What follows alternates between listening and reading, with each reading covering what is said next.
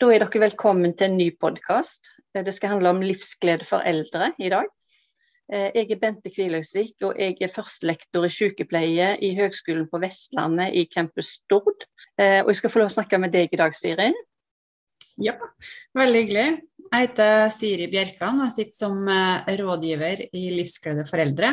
Og jeg jobber i den avdelinga vi kaller frivillighet og generasjonsmøter. Da. Så jeg sitter eh, til daglig og jobber med alle våre frivillige og skoler og barnehager som vi har med i stiftelsen vår.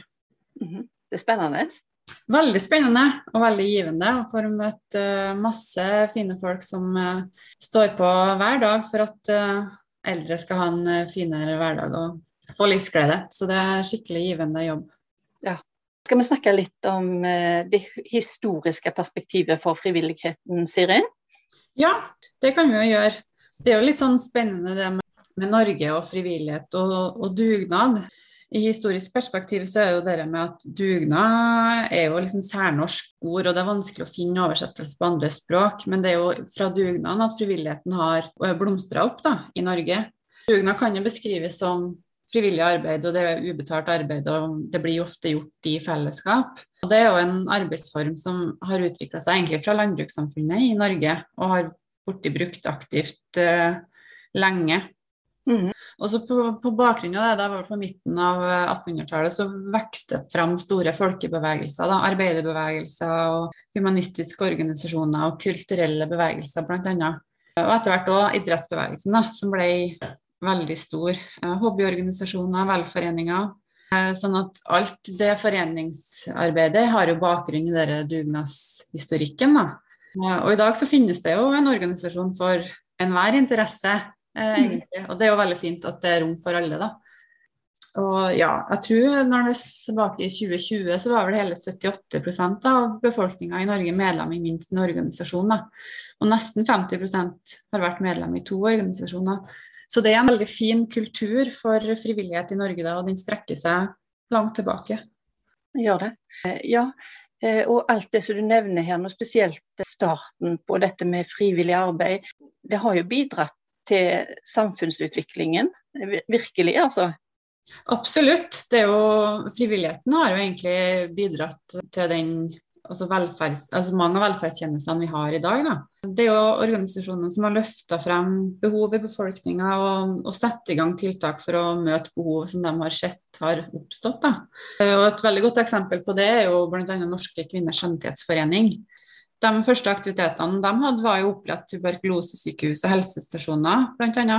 Mm. Det var jo for å sikre sunnere barnehelse. og um, ja, det er jo bakgrunnen i at helsestasjonene ble drevet av eh, sanitetsforeningene. Eh, og de drev jo faktisk dem helt fram til 70-tallet, da det offentlige tok over drifta. Og det er mye sånne lignende historier fra frivilligheten. Så det er litt det med at frivilligheten er med å sette fokus på utfordringer som staten og samfunnet har, kanskje å løfte fram hvor man bør gjøre en innsats.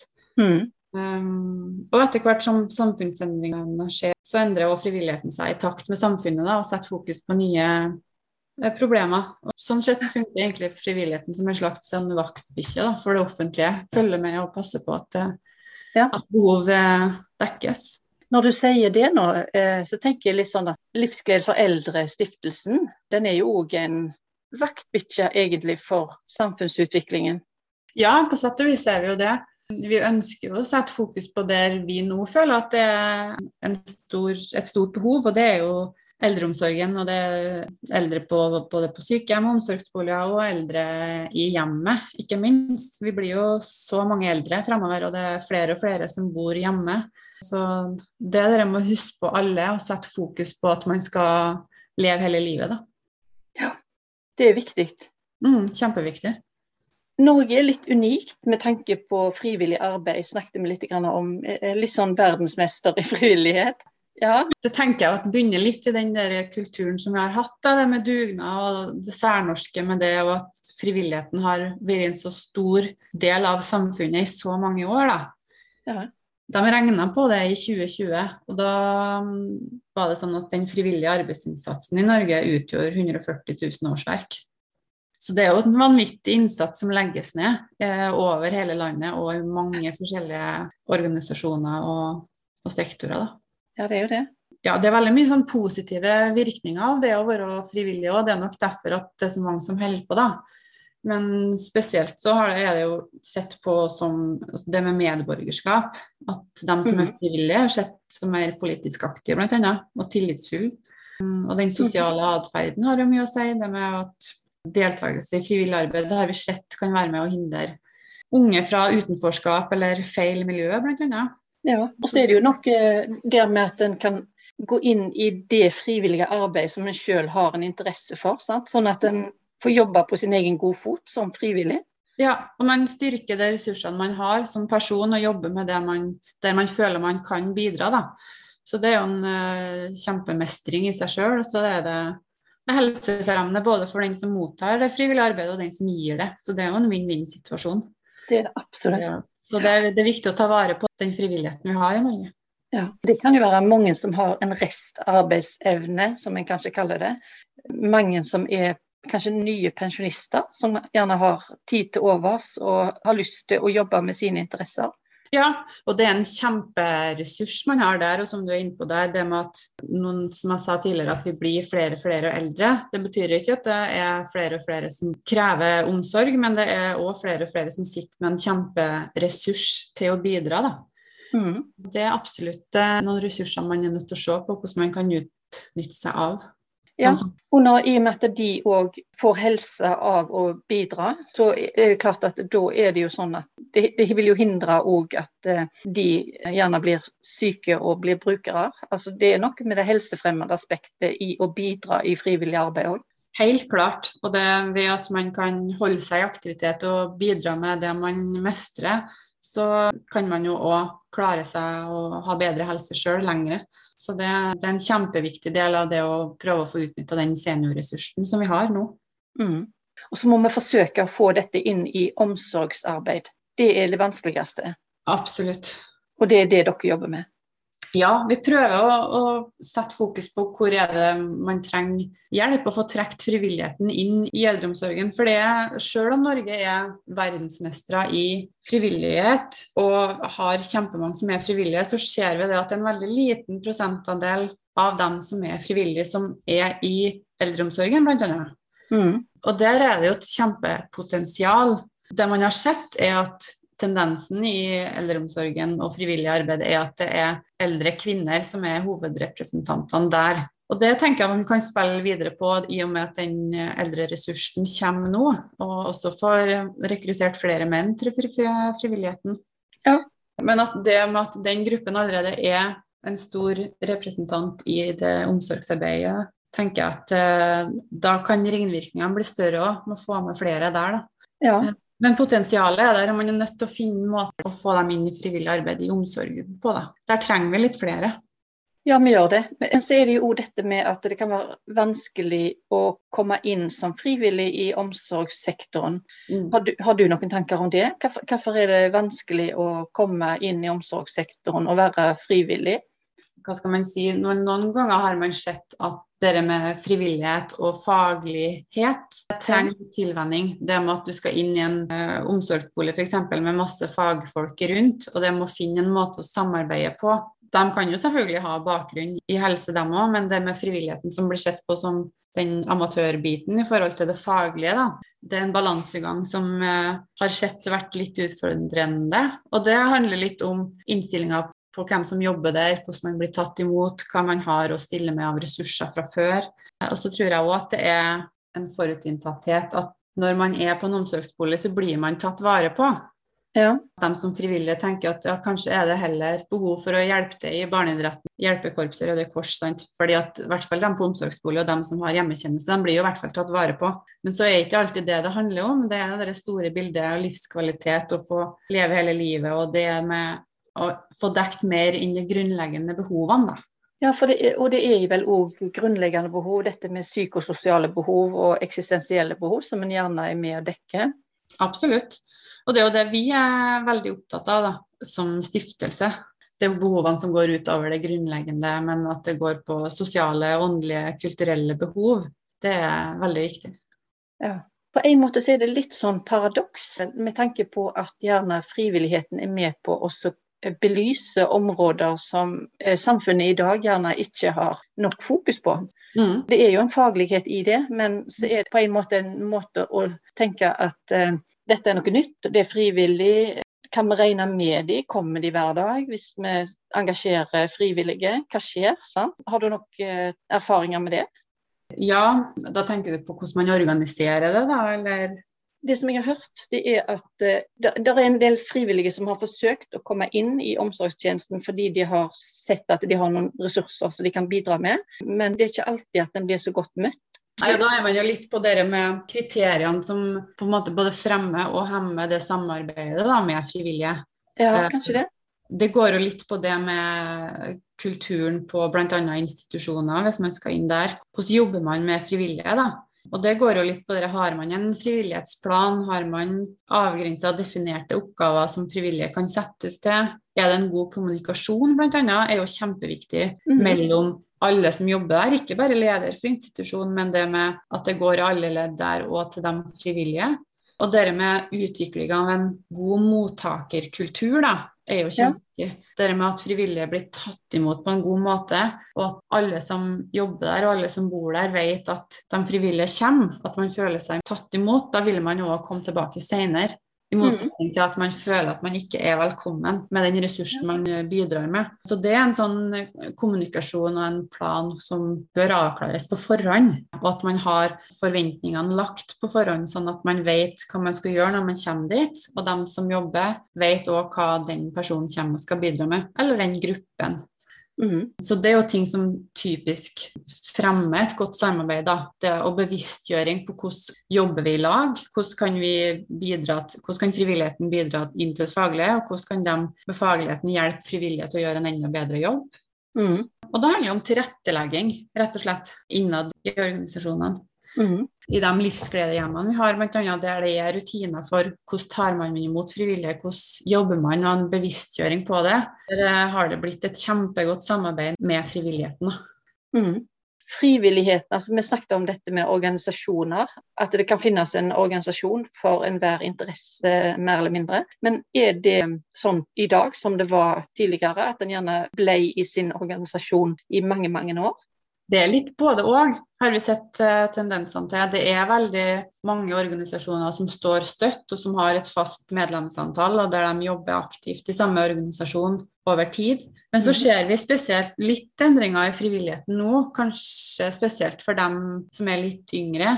At det kanskje ikke er organisasjonen de knytter seg til, men at de har et individuelt ønske om å være frivillig. Og at man har gått fra det tradisjonelle medlemskapet til litt mer aktivitetsshopping, kaller det det. At mm. man velger litt her og der hva man ønsker å engasjere seg i. Så tendensen er kanskje at det er en svekka lojalitet til enkeltorganisasjoner. Og at det er, nå er aktiviteten som står i sentrum, da, og ikke rammene den foregår innenfor. Mm. Tror du det påvirker stabiliteten jeg tror ikke det har noe å si for den stabiliteten når man har gjort en avtale, men det blir kanskje litt mer utfordrende for f.eks. organisasjoner eller lokalforeninger eh, som krever et visst medlemskap for å gå rundt, og en fast støtte. da. At det er litt mer en sånn der individualisering av oppgaver, at man er med der hvis at den aktiviteten passer til meg. Det er meg i annen forening hvis at den aktiviteten passer bedre den gangen. De mm. foreningene som driver et jevnt arbeid, får en veldig utskiftning av frivillige, kan gjøre i større grad enn det de gjorde tidligere, når medlemsbasen var mer fast. Ja, det kan være litt problematisk, kanskje? Både òg. Du har mer utskiftninger, men samtidig så er det jo kanskje sånn at når man først melder seg og ønsker å bidra, så er man mye mer motivert òg, fordi at man har gått spesifikt ut ifra hva man sjøl ønsker å bidra med, og den ressursen. Ja, så kanskje det er mer helsefremmende for den frivillige sjøl? Ja, jeg tror i hvert fall ikke det er noe negativt. Uavhengig av hvilken form man er frivillig, så det, er det helsefremmende både for den som mottar og for den som gir. Det er bare litt forskjellige organiseringsformer som har kommet fram de siste årene. Mm. Men det handler om å få gitt det som en kjenner at en har lyst til å gi. Det er jo kanskje kjernen i det. Ja, helt klart. Ja. Er det noen statlige føringer som eh, virker inn på frivillig arbeid?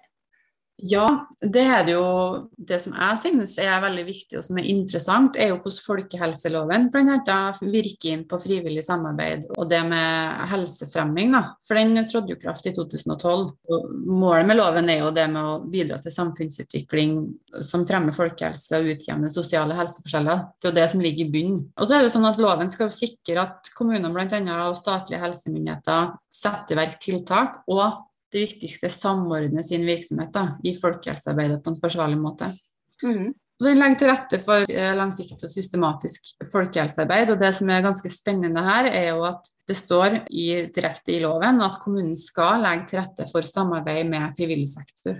Mm. Og det er faktisk sånn at det, det pålegger òg kommunene å legge til rette for at det skal kunne samarbeides med frivilligheten. Ja. Og Det er jo litt interessant hvordan man velger å gjøre det.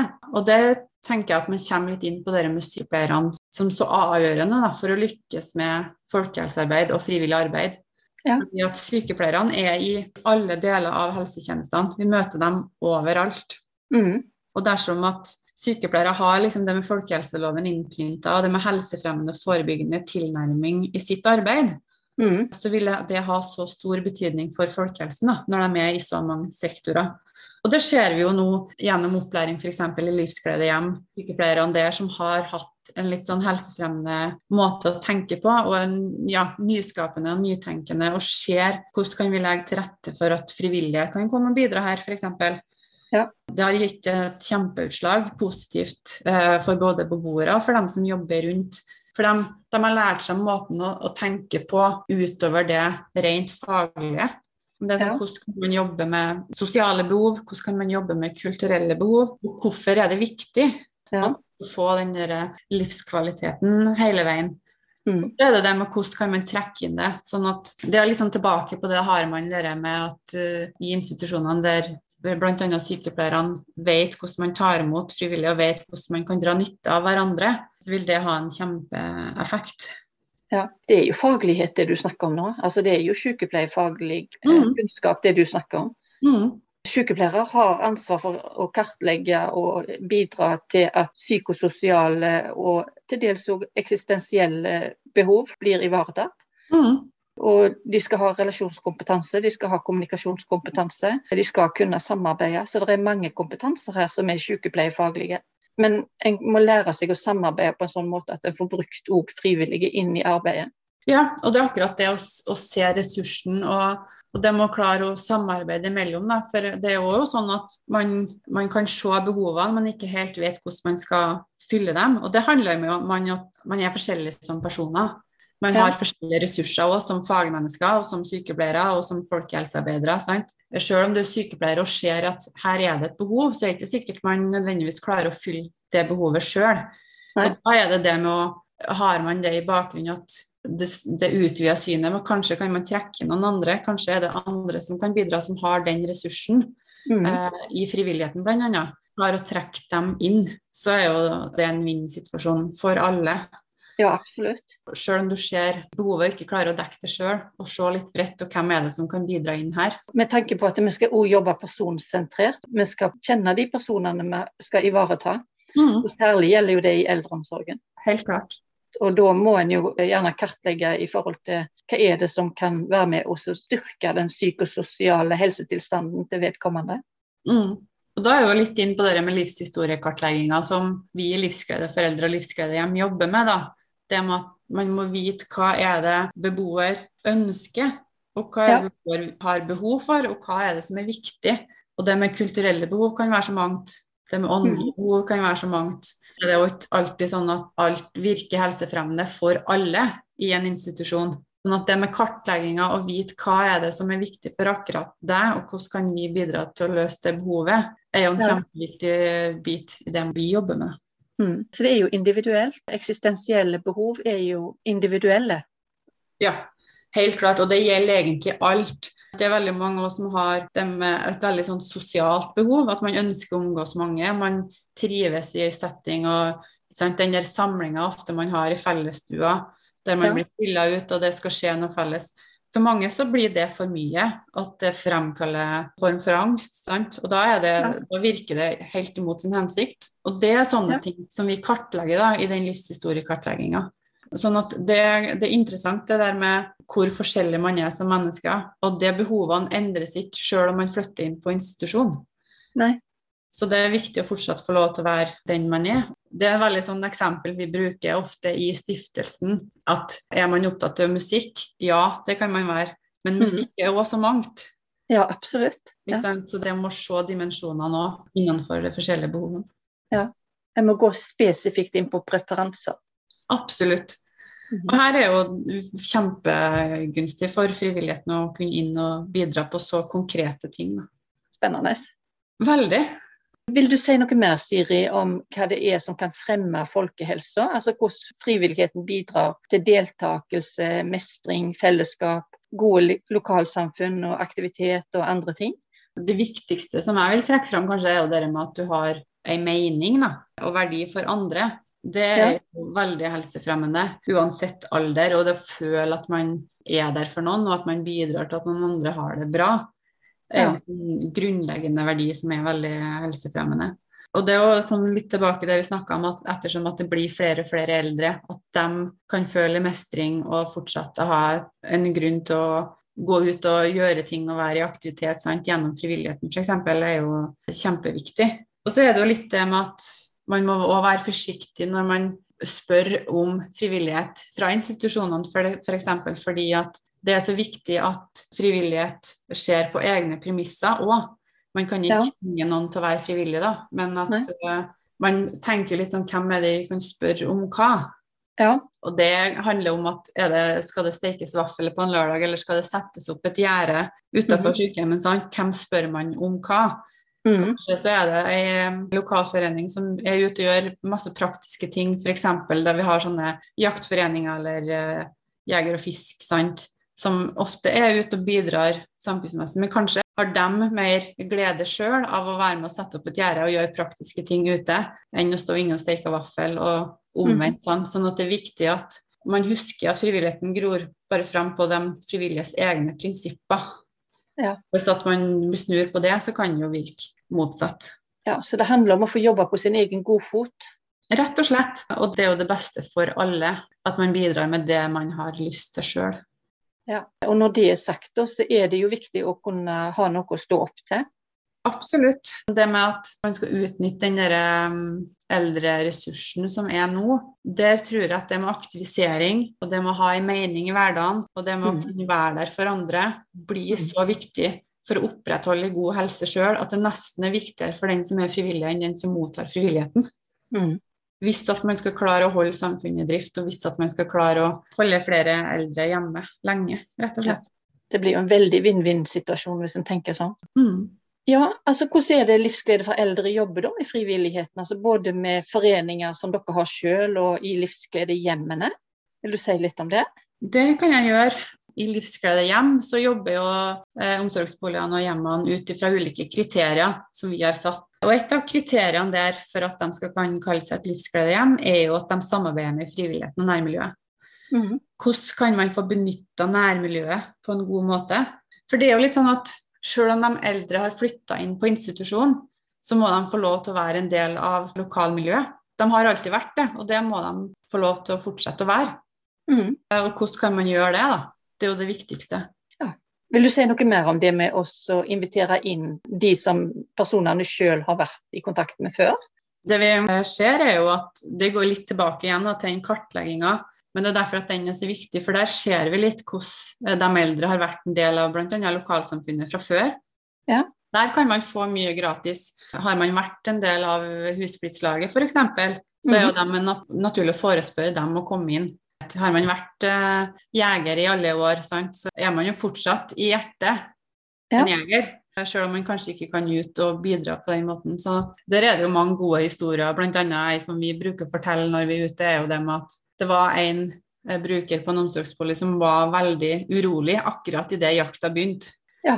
Fordi at man, Da er det sittet i kroppen at da skulle man ha vært ute og på jakt. Ja. Da tok de kontakt med, med det gamle jaktlaget hans. Og så mhm. fikk de tak i en jaktradio som de setter inn på rommet. Ja. Og det enkle biten der, som det sykepleierne gjorde da, med å ta kontakt med jaktlaget og sette inn en jaktrønnen, gjorde at man fikk en kjempeopplevelse av å få være med på jakt igjen. Satt og hørte Mhm. på oppdateringene og var med og ble mye roligere. Så det er en sånn kjempeenkel, men òg veldig viktig del man kan gjøre, da. Dette er personsentrert. Veldig personsentrert. Og, og det må man bruke litt tid på å bli kjent med dem, men da blir effekten så mye større av de mm. tiltakene man gjør, da. Mm. Der er det jo masse historier på akkurat det der med å trekke nærmiljøet inn i omsorgsboligene eller institusjonene. Mm. Og få beboerne til å føle at man fortsatt er en del av samfunnet. At man ikke lever i egen liten boble.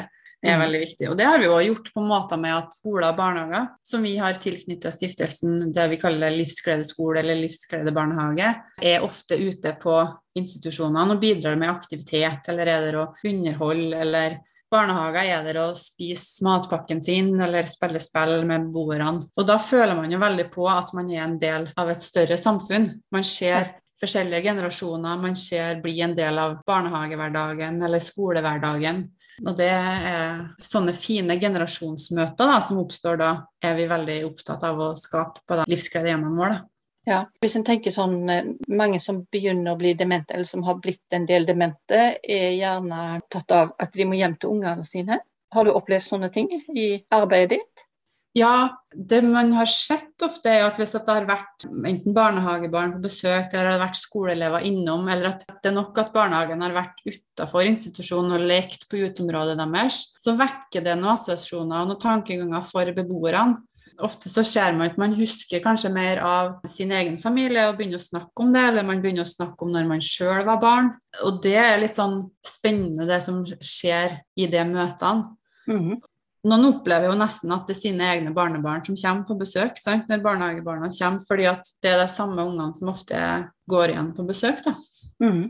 Så de får en sånn tilknytning til det. Og, og, men det er andre veien òg. Eh, sånn som barn som er inne på institusjonene f.eks. Ofte så er det noe sånn at i det samfunnet vi lever i, så er vi ikke så nærme våre egne besteforeldre.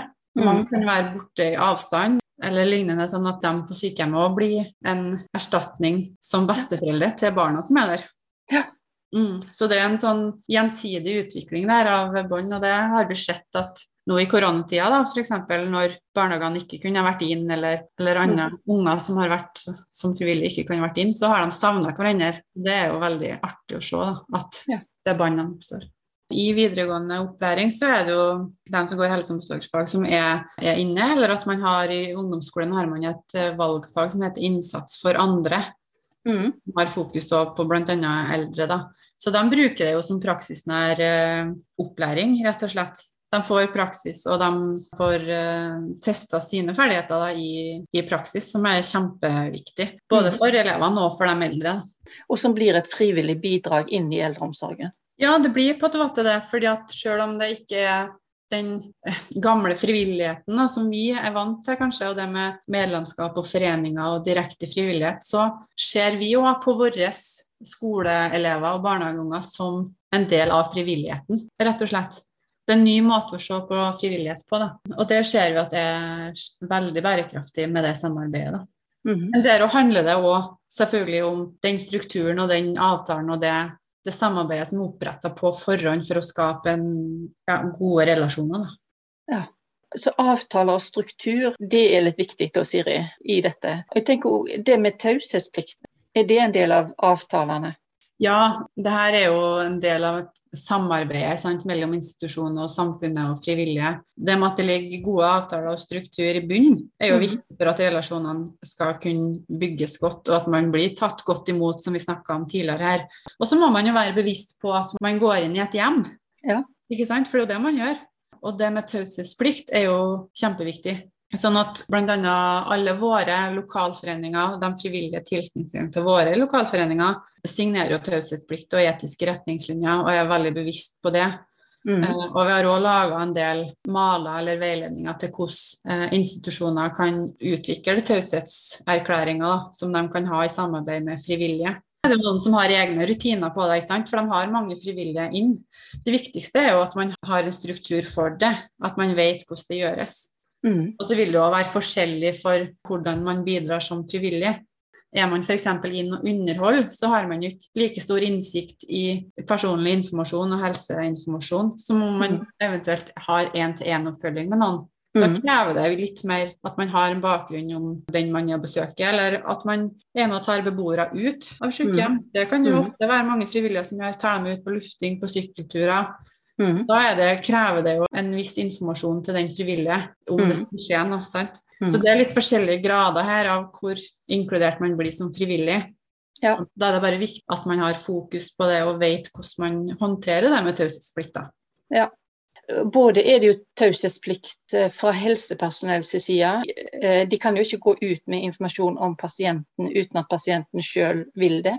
Nei. Det må en først ha en avtale på. Og så i tillegg så må den som er frivillig ivareta taushetsplikt. Mm. Og det gjelder jo både når man er som frivillig, men òg i ettertid. sant? Uansett så vil jo den Ja. taushetsplikten gjelde. Men det Ja. vi ser er at når det er lagt gode rutiner for det, så, vil, så er ikke det et problem. Beboere som inngår i et godt system og har masse rutiner, de blir òg veldig trygge på dem rundt seg og har ikke noe Mm. problem med å dele det med nødvendig informasjon eller det må med bilder, f.eks. har vi, jo snakka mye om, eh, sånn som barnehager og skoler. Sant? At man, ofte så er det jo dokumentasjon eller bilder, eller at man har litt fokus på det med deling av hva man gjør. Og da er det jo veldig Mm. viktig at man har tenkt gjennom det med taushetsplikt, at man ikke kan ta bilder av noen som ikke vil, eller at man tar bilder av bare hender eller rygger, eller ja. Mm. Så det er bare viktig å være bevisste. Eh, vi har ikke sett på det som noen stor hindring, fordi at rutinene har vært gode på det. Mm. Så lenge man har fokus på det, så går det greit. Men det er bare den bevisstgjøringa om at man har et ansvar som frivillig òg. Så det er ikke noe en skal gjemme seg bak, men det er noe en må diskutere. Ja, være bevisst og legge en rutine for det, men ikke se på det som en hindring, rett og slett. Mm. Mm. Ja. Nå har vi snakket litt om både fremmere og hemmere. altså der, der er mange ting som kan være med å fremme samarbeid med frivillige. Vi snakket litt om dette med taushetsplikten, og at en ikke skal la det være en stor hemmer. sant? En må jo undersøke selvfølgelig hva som er greit. Mm. Men er det andre ting som kan hemme samarbeid med frivillige? Det er jo noen ting man kanskje bør være litt obs på. Men det som hemmer det direkte, er jo kanskje det vi har sett litt, at det er mange som mener at det er mangel på frivillig arbeidskraft som er det mest sentrale hinderet. Og det er jo litt sånn vi snakka om helt i starten, med at det er veldig mange som er frivillige i Norge, men det er ganske få som er frivillige i omsorgssektoren. Ja. Og det, det må være bevisst det, og kanskje jobbe litt aktivt fra fagmiljøet og ut til nærmiljøet, vil jo bidra med å kunne få flere frivillige. da, og at, at den mangelen på frivillig arbeidskraft ikke blir så stor. Og så er det jo det med dårlig informasjonsflyt er jo en kjempehemmer. Det har vi jo sett mange ganger. at Hvis at informasjon ikke går i alle ledd og i alle retninger, så stopper det frivillige arbeidet opp Mm. inn mot institusjonene. Fordi at man føler seg ikke velkommen. At man vet ikke hva man skal gjøre når man kommer, eller man vet ikke hva som er forventa. Mm. Det er kjempeviktig at den informasjonsflyten går. Og Det samme gjelder jo det med, altså, som jeg var inne på, uavklart oppgavefordeling. Da. Og så må man jo rett og slett ha et godt samarbeid, da, eller fungere godt sammen òg. Frivillige og beboere og ansatte på omsorgsboligene. Sant? Det, man skal jo jobbe sammen og, Ja. og fremme helse for alle. sånn at det er viktig at eh, relasjonene og samarbeidsrelasjonene er gode. Litt tilbake til det med informasjonsflyt. Hvis det, det skjærer seg litt i starten, hvis man ikke kommer i gang på rett måte, så Ja. vil den samarbeidsrelasjonen bli dårligere, og det vil hemme samarbeidet i lengre tid. da. Mm.